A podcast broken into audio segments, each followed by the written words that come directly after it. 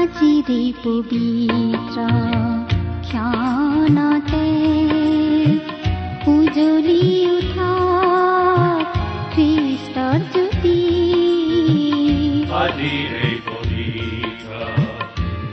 ভক্তিবচন অনুষ্ঠানৰ মজিয়ালৈ আপোনাক স্বাগতম প্ৰিয় শ্ৰোতা। ভক্তিবচন অনুষ্ঠানত আপোনাক পুনৰ লগ পাই আমি নথৈ আনন্দিত। আশা কৰো এই অনুষ্ঠানত প্ৰচাৰ হোৱা বাক্যসমূহে আপোনাৰ ব্যক্তিগত জীৱনত অলপ হলেও সহায় কৰিছে। ঈশ্বৰ এগৰাকী সৰ্বশক্তিশালী ব্যক্তি। তেওঁ পৃথিৱী আকাশমণ্ডল আৰু সৌৰজগতৰ সকলোকে নিজৰ ইচ্ছাৰে আৰু পৰাক্ৰমেৰে শৃংখলাবদ্ধভাৱে স্থিৰ কৰি থৈছে।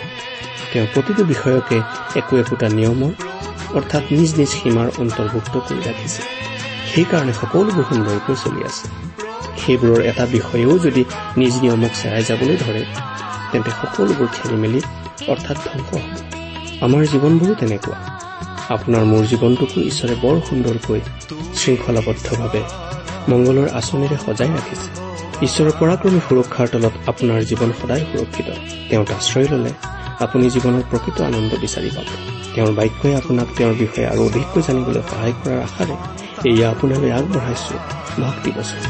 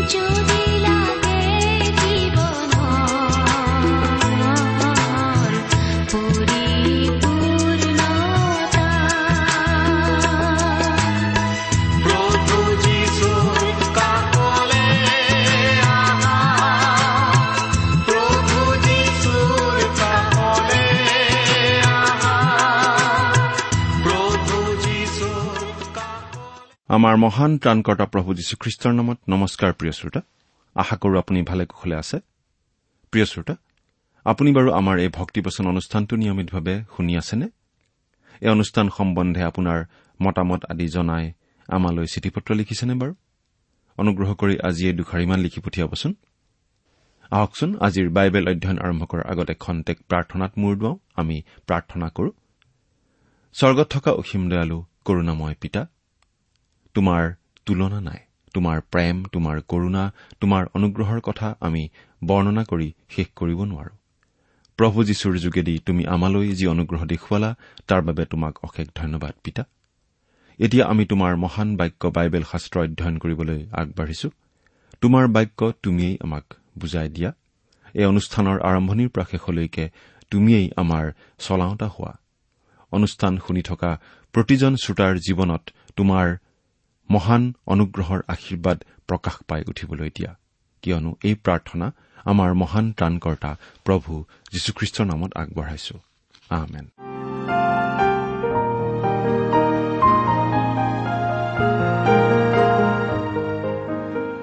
প্ৰিয় শ্ৰোতা আমি আজি ভালেমান দিন ধৰি বাইবেলৰ পুৰণি নিয়ম খণ্ডৰ যিচয়া ভাৱবাদীৰ পুস্তকখন অধ্যয়ন কৰি আছো। আপুনি যদি আমাৰ আগৰ অনুষ্ঠানটো শুনিছিল তেনেহলে আপোনাৰ নিশ্চয় মনত আছে যে যোৱা অনুষ্ঠানত আমি এই যিচয়া পুস্তকখনৰ সাতচল্লিছ নম্বৰ অধ্যায়ৰ শেষলৈকে আমাৰ অধ্যয়ন আগবঢ়াই নিছিলো। গতিকে আজিৰ অনুষ্ঠানত আমি অধ্যয়ন কৰিবৰ বাবে হাতত লৈছো এই যিচয়া পুস্তকৰ আঠচল্লিছ নম্বৰ অধ্যায়ৰ পৰা। একেবাৰে ঊনপঞ্চাছ নম্বৰ অধ্যায়ৰ ছাব্বিছ নম্বৰ পদলৈকে আমাৰ আলোচনা আগবঢ়াই নিম।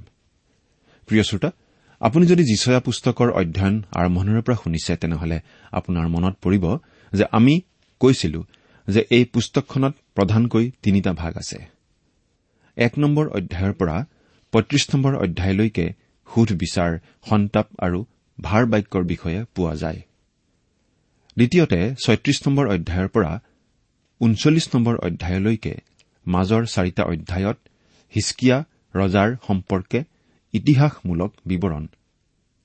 আৰু তৃতীয়তে চল্লিছ নম্বৰ অধ্যায়ৰ পৰা ছয়ষষ্ঠি নম্বৰ অধ্যায় অৰ্থাৎ পুস্তকখনৰ শেষৰটো অধ্যায়লৈকে এটা মহৎ বিষয় পৰিত্ৰাণৰ কথা আলোচনা কৰা হৈছে। আকৌ শেষৰটো প্ৰধান ভাগক তিনিটা সৰু সৰু ভাগত দেখুওৱা হৈছে। চল্লিছ নম্বৰ অধ্যায়ৰ পৰা আঠচল্লিছ নম্বৰ অধ্যায়লৈকে দাসৰ যোগেদি অহা সান্তনাৰ কথা কোৱা হৈছে।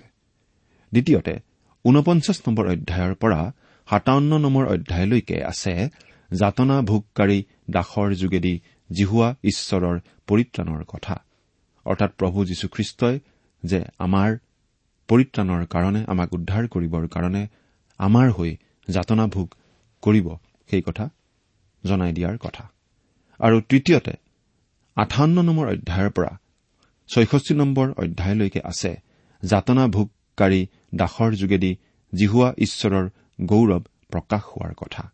আৰু শেষ প্ৰধান ভাগৰ তিনিটা সৰু ভাগৰ প্ৰথম আৰু দ্বিতীয় ভাগ দুটা শেষ কৰা হৈছে এই কথাৰে। জিহুৱাই কৈছে দুষ্ট লোকবিলাকৰ কোনো শান্তি নাই। যিচয়া আঠচল্লিছ নম্বৰ অধ্যায়ৰ বাইশ নম্বৰ পদ আৰু সাতাৱন্ন নম্বৰ অধ্যায়ৰ একৈশ নম্বৰ পদ। হয় প্ৰিয় শ্ৰোতা মচীহজনা বা যীশুখ্ৰীষ্টই শান্তি আনে। কিন্তু যিসকলে মচীহজনাৰ সেই শান্তি প্ৰত্যাখ্যান কৰে তেওঁলোকে শান্তিৰ অভিজ্ঞতা কেতিয়াও লাভ কৰিব নোৱাৰিব। অসত্য আৰু কাল্পনিক দেৱতাৰ আৰাধনা কৰা মানেই মচীহ বা যীশুখ্ৰীষ্টক প্ৰত্যাখ্যান কৰা হয়। অসাৰ আৰু অনেক ইতৰ দেৱতাৰ ক্ষেত্ৰত আমি দেখিলো যে শেষ প্ৰধান ভাগৰ প্ৰথম সৰু ভাগটোত সেইবোৰক সম্পূৰ্ণ বৰ্জন কৰিবলৈ কোৱা হৈছে। সকলো ধৰণৰ প্ৰতিমা পূজাৰ পৰা আঁতৰত থাকিবলৈ কোৱা হৈছে। কাৰণ তেনে অসাৰ অসত্য দেৱতাৰ পূজাই সকলো মানুহকে বাবিললৈ গতি কৰোৱায়। এতিয়া আমি দেখিবলৈ পাম নীৰৱ নিস্তব্ধ জয়াল জয়াল লগা কালবাৰীলৈ লৈ যোৱা অকলশৰীয়া পথেৰে ঈশ্বৰে অকলে অকলেই যেন আগবাঢ়িছে। আমি এতিয়া আঠচল্লিছ নম্বৰ অধ্যায়ৰ এক নম্বৰ পদৰ পৰা এঘাৰ নম্বৰ পদলৈ চাম জাকুবৰ বংশক শেষ বাৰলৈ আহান কৰাৰ বিষয়ে। পদকেইটা পাঠ কৰি দিছো শুনিবচোন। হে ইছৰাইল নামেৰে প্ৰখ্যাত আৰু জিহুদাৰ জলসমূহৰ পৰা উৎপন্ন হোৱা জাকুবৰ বংশ এই কথা শুনা। সিবিলাকে জিহুৱাৰ নাম লৈ শপত কৰে আৰু ইছৰাইলৰ ঈশ্বৰক উল্লেখ কৰে কিন্তু সত্য কি ধাৰ্মিকভাৱে উল্লেখ নকৰে। কিয়নো সিহঁতে নিজকে নিজে পবিত্ৰ নগৰৰ লোক বুলি কয় আৰু বাহিনীবিলাকৰ জিহুৱা নামেৰে প্ৰখ্যাত ইছৰাইলৰ ঈশ্বৰত নিৰ্ভৰ কৰে। ইতিপূৰ্বে মই আগৰ কথা প্ৰকাশ কৰিলো। এনেকি সেইবোৰ মোৰ মুখৰ পৰা ওলাল আৰু মই সেইবোৰ শুনালো। অকস্মাত মই সেইবোৰ সিদ্ধ কৰিলো আৰু সেইবোৰ ঘটি উঠিল। কিয়নো মই জানো যে তুমি অবাধ্য তোমাৰ ডিঙি লোহাৰ শিৰস্বৰূপ আৰু তোমাৰ কপাল পিতলস্বৰূপ। এই হেতুকে মই ইতিপূৰ্বে তাক তোমাৰ আগত প্ৰকাশ কৰিলো। সেইবোৰ মোৰ মূৰ্তিয়ে কৰিলে। মোৰ কটা প্ৰতিমাই মোৰ সাঁচত ধলা মূৰ্তিয়ে সেইবোৰ আজ্ঞা কৰিলে। এইবুলি তুমি নকবৰ নিমিত্তে এই ঘটনা নৌ ঘটোতেই মই তোমাৰ আগত তাক শুনালো। তুমি তাক শুনিলা। তুমি সেই সকলোকে চোৱা। আৰু তোমালোকেই জানো তাক স্বীকাৰ নকৰিবা? এতিয়াৰে পৰা মই তোমাক নতুন বিষয়বোৰ এনেকি তুমি আগেয়ে নজনা গুপ্ত বিষয়বোৰ তোমাক জনাওঁ। সেইবোৰ এতিয়া স্ৰজন কৰা হ'ল। আগৰ পৰা নাছিল। চোৱা সেইবোৰ মোৰ জনা আছিল। এইবুলি তুমি নকবৰ নিমিত্তে আজিৰ পূৰ্বে সেইবোৰ শুনা নাছিল। তুমি শুনা নাই আৰু জনাও নাই এনেকি পূৰ্বকালৰে পৰা তোমাৰ কাণ মুকলি কৰা নাছিল? কিয়নো মই জানো যে তুমি অতি বিশ্বাসঘাতকতা কৰিছা আৰু গৰ্ভৰে পৰা অধৰ্মচাৰী নামেৰে প্ৰখ্যাত আছা। মই তোমাক উচ্ছন্ন নকৰিবৰ নিমিত্তে মই নিজ নামৰ কাৰণে ক্ৰোধ থৈ দিম। আৰু মোৰ প্ৰশংসাৰ কাৰণে তোমাৰ পৰা ক্ৰোধ আটকি ৰাখিম। চোৱা মই তোমাক জুইত খপিলো কিন্তু ৰূপ বুলি খপা নাই। দুখৰূপ মহীৰ মাজত মই তোমাক পৰীক্ষা কৰি ললো। মই নিজৰ নিমিত্তে কেৱল নিজৰে নিমিত্তে কাৰ্য কৰিম কিয়নো মোৰ নাম অপবিত্ৰ কৰিবলৈ মই কেনেকৈ দিব পাৰো? মই মোৰ গৌৰৱ অন্যক নিদিম। আটাইকেইটা পদৰ কথা আলোচনা নকৰি মূল মূল কথাৰ পদকেইটা আলোচনা কৰো আহক। বহুতে ভাবে যে জিহুদা আৰু ইছৰাইল দুয়ো দুয়োৰ পৰা বেলেগ। এক নম্বৰ পদটোৱে সেইটো ধাৰণা শুদ্ধ নহয় বুলি আমাক এটা আভাস দিছে। এটা জাতি হিচাপে যি নাম ঈশ্বৰে তেওঁলোকক দিছে তাক মানুহে সলনি কৰিব নালাগে। ইছৰাইলৰ গোটেই বাৰটা ফৈদৰ গোটেই বংশটোকেই ইয়াত সম্বোধন কৰা হৈছে আৰু তেওঁলোক আটাইবিলাকেই ঈশ্বৰৰ মনোনীত অব্ৰাহাম ইছাক আৰু জাকুবৰ ধাৰাৰে অহা এটা জাতি। বিশ্বাসৰ পৰা খহি পৰা তেতিয়াৰ সেই জাতিয়ে আমাৰ সময়ৰ এই দিনতো আজি ঈশ্বৰলৈ পালতাৰ যি আহান দিয়া হৈছে তালৈ কাণ পাতিবলৈ আমাক সোঁৱৰাইছে। তেওঁলোকে এনেদৰে ইছৰাইলৰ ঈশ্বৰ জিহুৱাৰ কথা কয় যেনিবা তেওঁলোকে তেওঁক ভালদৰেই জানে কিন্তু প্ৰকৃততে তেওঁলোকে তেওঁক নাজানেও আৰু তেওঁৰ সেৱাও নকৰে। তেওঁলোকৰ এটা ধৰ্ম আছে কিন্তু আধ্যামিক শক্তি হলে তেওঁলোকৰ নাই। ঈশ্বৰলৈ নুঘূৰি তেওঁলোকে যদি বেলেগ উপায়েৰে তেওঁলোকৰ জাতিৰ সমস্যা সমাধান কৰিবলৈ বিচাৰে সেই সমস্যা সদায়েই সমস্যা হৈয়েই ৰ'ব। কিন্তু ঈশ্বৰলৈ ঘূৰা সকলো জাতিয়েই এনেকি সকলো ব্যক্তিয়েই তেওঁলোকৰ জীৱনৰ সমস্যাৰ সমাধান বিচাৰি পাব। দুই নম্বৰ পদত চাওক যে জিৰচালেমৰ নাগৰিক বুলি তেওঁলোকে গৰ্ব কৰে আৰু ঈশ্বৰৰ সন্তান বুলি গৌৰৱ কৰে কিন্তু সেইবোৰ তেওঁলোকৰ নামহে মাথোন। কিন্তু তেওঁলোক ঈশ্বৰে সৈতে অপৰিচিত। চাৰি নম্বৰ পদত চাওক। মিছৰ দেশৰ পৰা তেওঁলোকক মুক্ত কৰি আনিবৰ সময়ৰে পৰা ঈশ্বৰে জানিছিল নে যে তেওঁলোক বৰ থৰডিঙীয়া মানুহ আছিল? প্ৰিয় শ্ৰোতা ঈশ্বৰে ইছৰাইলৰ সন্তানসকলক মনোনীত কৰিছিল। তেওঁলোক যোগ্য আছিল বাবে নহয়। তেওঁলোক কিবা ভাল বুলি নহয়। ঈশ্বৰে নিজ ইচ্ছা অনুসাৰেই তেওঁলোকক মনোনীত কৰি লৈছিল। আমাকো আজি ঈশ্বৰে মনোনীত কৰি লৈছে। আমি মনোনীত হবৰ বাবে যোগ্য বাবে নহয় কিন্তু ইছৰাইলৰ সন্তান আৰু আমাকো তেওঁ মনোনীত কৰিছে তেওঁৰ অনুগ্ৰহৰ কাৰণেই আৰু আমাৰ ডাঙৰ অভাৱ দেখি। আমাৰ পৰিত্ৰাণৰ অভাৱ আছিল আৰু তাকেই তেওঁ কৰিছে। তেওঁ ইছৰাইল সন্তান আৰু আমাক আটাইকে ভাল পাই বাবেই। এতিয়া বাৰ নম্বৰ পদৰ পৰা একেবাৰে শেষ পদলৈকে অৰ্থাৎ বাইশ নম্বৰ পদলৈকে চাওঁ ইছৰাইলৰ অৱশিষ্ট ভাগক বৰ আকুলতাৰে আহান কৰাৰ বিষয়ে। তেওঁৰ আহানলৈ যেন তেওঁৰ লোকসকলে কাণসাৰ কৰে তাৰ বাবে ঈশ্বৰে আকুলতাৰে আহান কৰিছে তেওঁলোকক টানি ধৰি নিমন্ত্ৰণ কৰিছে। বাৰ নম্বৰ পদৰ পৰা অৰ্থাৎ আঠচল্লিছ নম্বৰ অধ্যায়ৰ বাৰ নম্বৰ পদৰ পৰা বাইশ পদলৈকে পাঠ কৰি দিম শুনিবচোন। হে জাকুব হে মোৰ আমন্ত্ৰিত ইছৰাইল মোলৈ কাণ পাতা। ময়েই তেওঁ ময়েই আদি ময়েই অন্তও এনেকি মোৰেই হাতে পৃথিৱীৰ ভিত্তিমূল স্থাপন কৰিলে। মোৰেই সোঁহাতে আকাশমণ্ডল বিস্তাৰ কৰিলে। মই সেইবোৰক মাতিলে সেই সকলো একেবাৰে থিয় হয়হি। তোমালোক সকলোৱে গোট খাই শুনা সিহঁতৰ মাজত কোনে এইবোৰ কথা প্ৰকাশ কৰিলে? আৰু জিহুৱাই প্ৰেম কৰে। সেইজনেই বাবিলত তেওঁৰ মনৰ ইচ্ছা পূৰ্ণ কৰিব আৰু তেওঁৰ বাহুবলে কলদিয়াহঁতৰ ওপৰত প্ৰকাশ কৰিব। মই ময়েই কথা কলো। এনেকে ময়েই সেইজনক মাতিলো ময়েই সেইজনক আনিলো। আৰু সেইজন নিজ পথত কৃতকাৰ্য হ'ব। তোমালোকে মোৰ ওচৰলৈ আহি এই কথা শুনা। মই আদিৰে পৰা গুপুতে কথা কোৱা নাই। সেই ঘটনা হোৱাৰে পৰা মই তাত বৰ্তমান আছো। আৰু এতিয়া প্ৰভুজী হোৱাই নিজ আত্মা দি মোক পঠালে। তোমাৰ মুক্তিদাতা ইছৰাইলৰ পবিত্ৰ জনা জিহুৱাই এই কথা কৈছে। তোমাৰ উপকাৰৰ অৰ্থে তোমাক শিক্ষা দিওঁতা তুমি যাবলগীয়া বাটেদি তোমাক নিওঁতা তোমাৰ ঈশ্বৰ জিহুৱা ময়েই। অহ তুমি মোৰ আজ্ঞাত মন দিয়া হলে কেনে ভাল আছিল? দিয়া তোমাৰ শান্তি নদীৰ নিচিনা আৰু তোমাৰ ধাৰ্মিকতা সমুদ্ৰৰ ঢৌৰ নিচিনা হলহেঁতেন। তোমাৰ বংশও বালিৰ নিচিনা আৰু তোমাৰ ঔৰসৰ সন্তান সন্ততিও তাৰ কণিকাসমূহৰ নিচিনা হলহেঁতেন। দিলে তাৰ নাম মোৰ আগৰ পৰা লুপ্ত কি নষ্ট নহব? তোমালোক বাবিলৰ পৰা বাহিৰ হোৱা কলদিয়াবিলাকৰ মাজৰ পৰা পলাই যোৱা।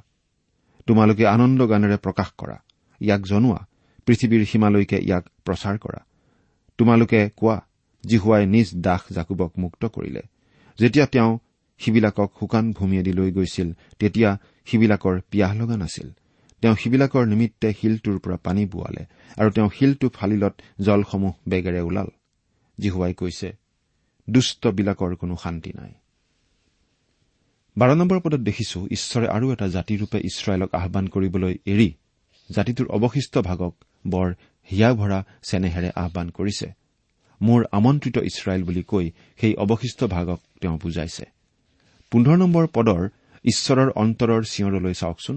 হয় দয়াৰ সাগৰ ঈশ্বৰে পথভ্ৰষ্ট তেওঁৰ লোকক সেইদৰেই আহান কৰে কাৰণ তেওঁৰহে জনা আছে তেওঁৰ লোকৰ শেষ দুৰৱস্থা কি হ'ব যদি তেওঁলোক তেওঁলৈ ঘূৰি তেওঁৰ আশ্ৰয় নলয়?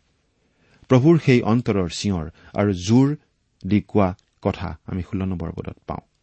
মোৰ ওচৰলৈ আহা আৰু মোৰ ওচৰলৈ এনে আহান প্ৰেমময় ঈশ্বৰে তেওঁৰ বাৰ্তাবাহক যিচয়াৰ যোগেদি দি আছে। এইখিনি আকুল আহান প্ৰভু যীশুখ্ৰীষ্টৰ আহান হে পৰিশ্ৰান্ত আৰু ভাৰাক্ৰান্ত লোকসকল তোমালোক মোৰ ওচৰলৈ আহা মই তোমালোকক জিৰণি দিম। ইছৰাইল জাতিটোক যিদৰে সম্পূৰ্ণভাৱে আশীৰ্বাদ কৰিবলৈ ইচ্ছা কৰিও আশীৰ্বাদ কৰিব পৰা তেওঁ নাছিল কাৰণ তেওঁলোক অহা নাছিল। সেইদৰে ঈশ্বৰে আমাক আশীৰ্বাদ কৰিবলৈ ইচ্ছা কৰিও সম্পূৰ্ণভাৱে আশীৰ্বাদ কৰিব পৰা নাই। তাৰ বাবে দোষীনো কোন? ঈশ্বৰ নহয়। তাৰ বাবে দোষী ইছৰাইল আপুনি আৰু মই। তাৰ পাছত এতিয়া আঠচল্লিছ নম্বৰ অধ্যায়ৰ বাইশ নম্বৰ পদটো কেনেকৈ সামৰা হৈছে শুনক। জিহুৱাই কৈছে দুষ্ট লোকবিলাকৰ কোনো শান্তি নাই। কিন্তু কোনবিলাক লোকনো দুষ্ট? যিসকলে সত্য ঈশ্বৰৰ ভজনা নকৰি অনৰ্থক অসাৰ আৰু কাল্পনিক দেৱতাবোৰৰ আৰাধনা কৰে আৰু সিহঁতৰ নামত সেৱা কৰে। আৰু যিসকল লোকে তেওঁৰে সৈতে শান্তি স্থাপন কৰিবৰ নিমিত্তে তেওঁৰ আকুল আহানলৈ কাণসাৰ নকৰে তেওঁলোকেই দুষ্ট। কাৰণ তেওঁলোকে পাপত নিমজ্জিত থাকিবলৈ বৰ ভাল পায়। ঈশ্বৰৰ পৰা আঁতৰি থাকি সুখ পায়। তেনে লোকৰ কেতিয়াও শান্তি নহ'ব। আমাৰ হাতত হাজাৰ হাজাৰ বছৰৰ মানৱ ইতিহাস আছে। আৰু সেই ইতিহাসে এই সাক্ষ্য বহন কৰিছে যে ঈশ্বৰৰ পৰা আঁতৰি থকা কোনো মুনিহ বা তিৰোতাই জীৱনত কেতিয়াও শান্তি পোৱা নাই। এতিয়া আমি ঊনপঞ্চাছ অধ্যায়ৰ পৰা আলোচনা কৰো হওক। এই অধ্যায়টোত পাওঁ জগতৰ বাবে প্ৰভু যীশুৰ শিক্ষা জিহুৱা ঈশ্বৰৰ ইছৰাইলৰ সৈতে আলোচনা আৰু ইছৰাইলক অত্যাচাৰ কৰা সকলৰ ওপৰত ঈশ্বৰৰ সুধবিচাৰৰ কথা। আমি আগতেই কৈ আহিছো যে যিচয়া পুস্তকখনৰ প্ৰধান তিনিটা ভাগৰ শেষৰটো প্ৰধান ভাগটোক আকৌ তিনিটা উপভাগত ভাগ কৰা হৈছে। প্ৰথমটো ভাগত আমি দেখিলো যে তেওঁৰ দাসৰ জৰিয়তে জিহুৱা ঈশ্বৰৰ সান্তনা আহে। এতিয়া এই ঊনপঞ্চাছ অধ্যায়টোৱে ইয়াৰ দ্বিতীয় উপভাগটোৰ আৰম্ভ কৰে আৰু ইয়াত আছে যে যাতনাভোগী দাসৰ যোগেদি জিহুৱা ঈশ্বৰৰ পৰিত্ৰাণ আহে। তাৰমানে অতি সোনকালেই আমি আমাৰ পৰিত্ৰাতা প্ৰভু যীশুখ্ৰীষ্টৰ অৰ্থাৎ যাতনাভোগী মচীহজনৰ কথা আলোচনা কৰিবলৈ গৈ আছো। এই পুস্তকৰ তেপন্ন অধ্যায়টোৰ যিমানেই আমি ওচৰ চাপিম সিমানেই পৰিত্ৰাতা প্ৰভু যীশুৰ প্ৰকাশকৰণ অধিকৰ পৰা অধিকতৰ স্পষ্ট হৈ গৈ থাকিব। ইছৰাইল নিজেই জিহুৱা ঈশ্বৰৰ দাস আছিল।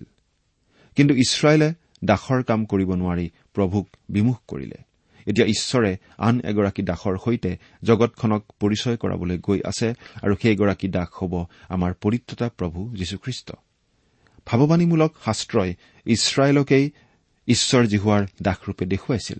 কিন্তু সেই দাসজনৰ চূড়ান্ত অৰ্থ প্ৰভু যীশুখ্ৰীষ্টইহে প্ৰকাশ কৰিলে। ইয়াৰ এটা উদাহৰণ আমি হোছেয়া এঘাৰ নম্বৰ অধ্যায়ৰ এক নম্বৰ পদত পাওঁ এনেদৰে ইছৰাইলৰ ল'ৰাকালত মই তাক স্নেহ কৰিছিলো। আৰু মিছৰৰ পৰা মোৰ পুত্ৰক মাতি আনিছিলো। এই ভাৱবাণীটো প্ৰভু যীশুখ্ৰীষ্টতেই সিদ্ধ হৈছিল। মুঠি দুই নম্বৰ অধ্যায় পোন্ধৰ নম্বৰ পদ। জাতিটোৱে কৃতকাৰ্যতা লাভ কৰিব নোৱাৰিলে কিন্তু সেই জাতিটোৰ পৰা ওলাই অহা যীশুখ্ৰীষ্টইহে কৃতকাৰ্যতাৰ মুখ দেখা পালে। ঊনপঞ্চাছ নম্বৰ অধ্যায়ৰ এক নম্বৰ পদৰ পৰা সাত নম্বৰ পদলৈকে পাওঁ জগতৰ বাবে প্ৰভু যীশুৰ শিক্ষা। পদকেইটা পাঠ কৰি দিছো। হে দ্বীপবিলাক মোৰ বাক্য শুনা। হে দূৰত থকা জাতিবিলাক মোলৈ কাণ পাতা। মই গৰ্ভত স্থিতি হোৱাৰ পৰা জিহুৱাই মোক মাতিলে। মোৰ মাতৃৰ উদৰত থকাৰে পৰা তেওঁ মোৰ নাম উল্লেখ কৰিলে। তেওঁ মোৰ মুখ চোকা তৰোৱালৰ নিচিনা কৰিলে। তেওঁ নিজৰ হাতৰ ছাঁত মোক লুকুৱাই থলে। তেওঁ মোক শানত দিয়া বানস্বৰূপ কৰিলে। তেওঁ নিজৰ তোনৰ ভিতৰত মোক ৰাখিলে। তেওঁ মোক কলে তুমি মোৰ দাস। যাত মই গৌৰৱান্বিত হ'ম। সেই ইছৰাইল। কিন্তু মই কলো মই মিছাকৈ শ্ৰম কৰিলো অনৰ্থক আৰু অসাৰ ৰূপে মোৰ শক্তি নষ্ট কৰিলো। তথাপি অৱশ্যে মোৰ হক জিহুৱাৰ লগত আছে আৰু মোৰ শ্ৰমৰ ফল মোৰ ঈশ্বৰৰ গুৰিত আছে।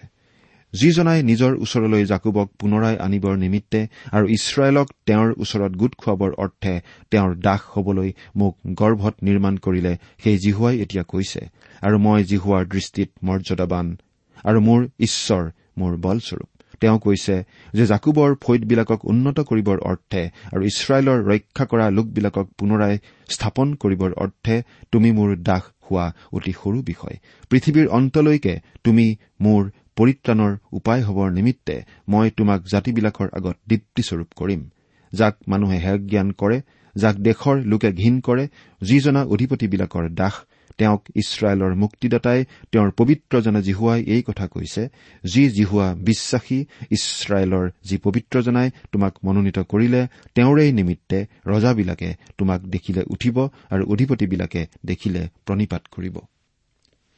এই অধ্যায়টো মেলি লোৱাৰ লগে লগেই আমি প্ৰভু যীশুৰ এনে শিক্ষা শুনিছো যেনে শিক্ষা তেওঁৰ শিষ্যসকলে গালিলত শুনিছিল। ইয়াত দেখিছো প্ৰভু যীশু জগতৰ ত্ৰাণকৰ্তাৰূপে ওলাই আহিছে আৰু তেওঁ ত্ৰাণকৰ্তা হবলৈ ওলোৱাত ইছৰাইল বাদ পৰা নাই। কাৰণ তেওঁলোক তেওঁলোকৰ বাসভূমিলৈ প্ৰত্যাৱৰ্তন কৰাৰ কথা পুনৰ নিশ্চিত কৰা হৈছে। এই অধ্যায়ত আমি পাওঁ জগতৰ পৰিত্ৰাতা জগতখনলৈ দৃষ্টি কৰিছে এগৰাকী পৰিত্ৰাতাৰ দৰেই। পৃথিৱীৰ সকলো জাতিৰ পৰিত্ৰতা হিচাপে তেওঁ আত্মপ্ৰকাশ কৰিছে। প্ৰথম পদত পোৱা যায় প্ৰভু যীশুখ্ৰীষ্টই জগতৰ গোটেই জাতিসমূহক মাতিছে। তেওঁৰ জন্মৰ পূৰ্বেই তেওঁৰ নাম যীশু ৰখা হৈছে আৰু এই নাম গোটেই জগতখনতেই প্ৰচাৰিত কৰিব লাগে। কাৰণ এই নাম হৈছে এগৰাকী পৰিত্ৰাতাৰ নাম আৰু জগতখনক এগৰাকী পৰিত্ৰাতাৰ বৰ প্ৰয়োজন। দুই নম্বৰ পদৰ তেওঁৰ মুখৰ পৰা ওলাই যোৱা চোকা তৰোৱালখন হৈছে ঈশ্বৰৰ বচন। যি বচন তেওঁ ঘোষণা কৰোতে তেওঁৰ শত্ৰুসকলে কৈছিল। এই মানুহজনে কোৱাৰ নিচিনা কথা আগতে কোনো মানুহক কোৱা শুনা নাই। তেওঁৰ এই চোকা তৰোৱাল ৰূপ বচনেৰে তেওঁ শেষৰ কালত জাতিসমূহক আঘাত অৰ্থাৎ সুধবিচাৰ কৰিব।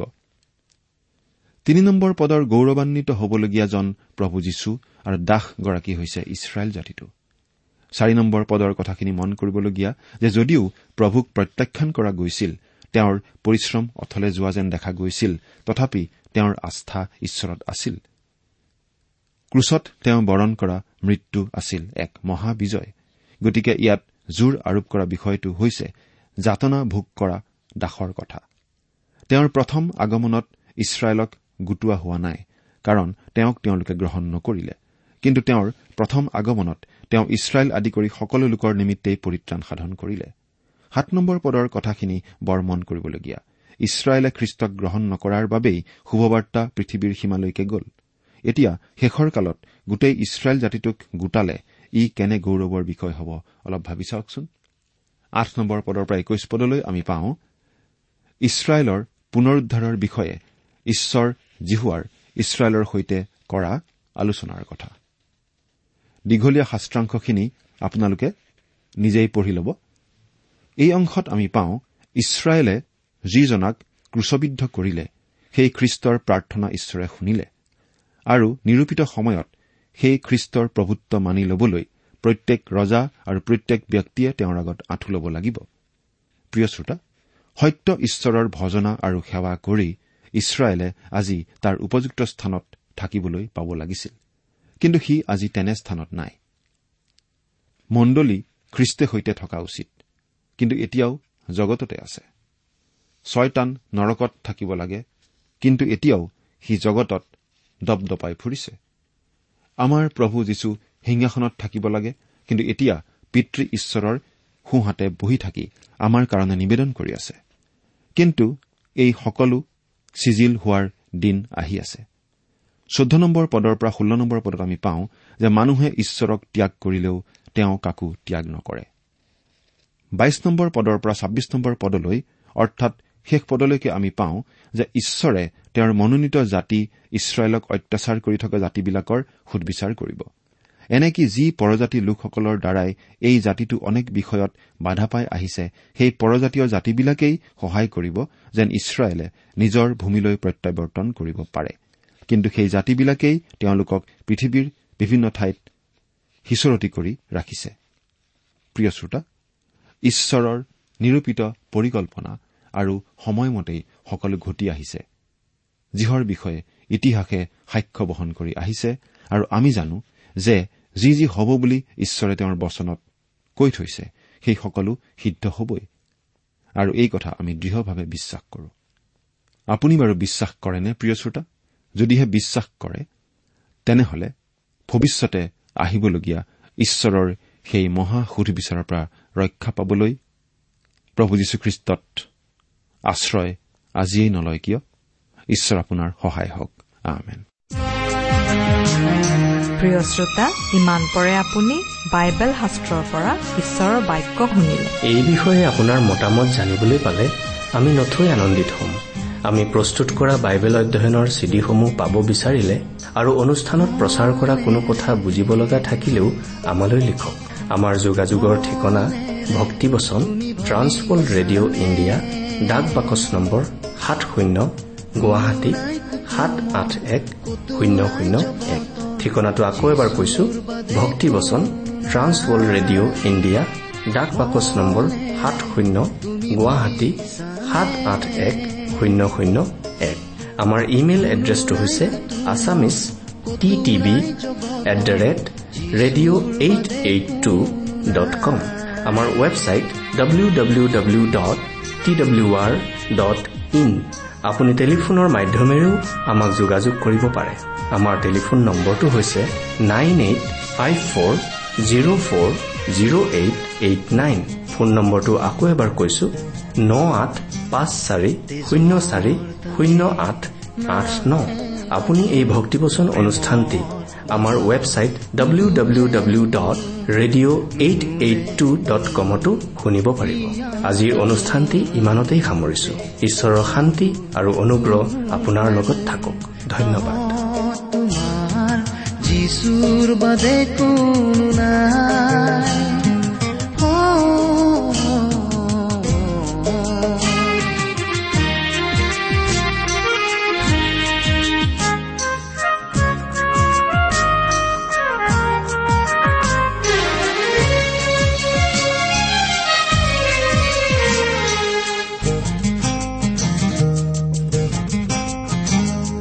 লাগে যদি অহাৰে ভৰা পৰিপূৰ্ণ জীৱন গাথা যিচুৰ তেজে দিয়ে পূৰ্ণতা যিচুৰ কথাই চকুলো মুছে যিচুৰ বাদে কোনো নাই তোমাৰ কাহ মনেৰে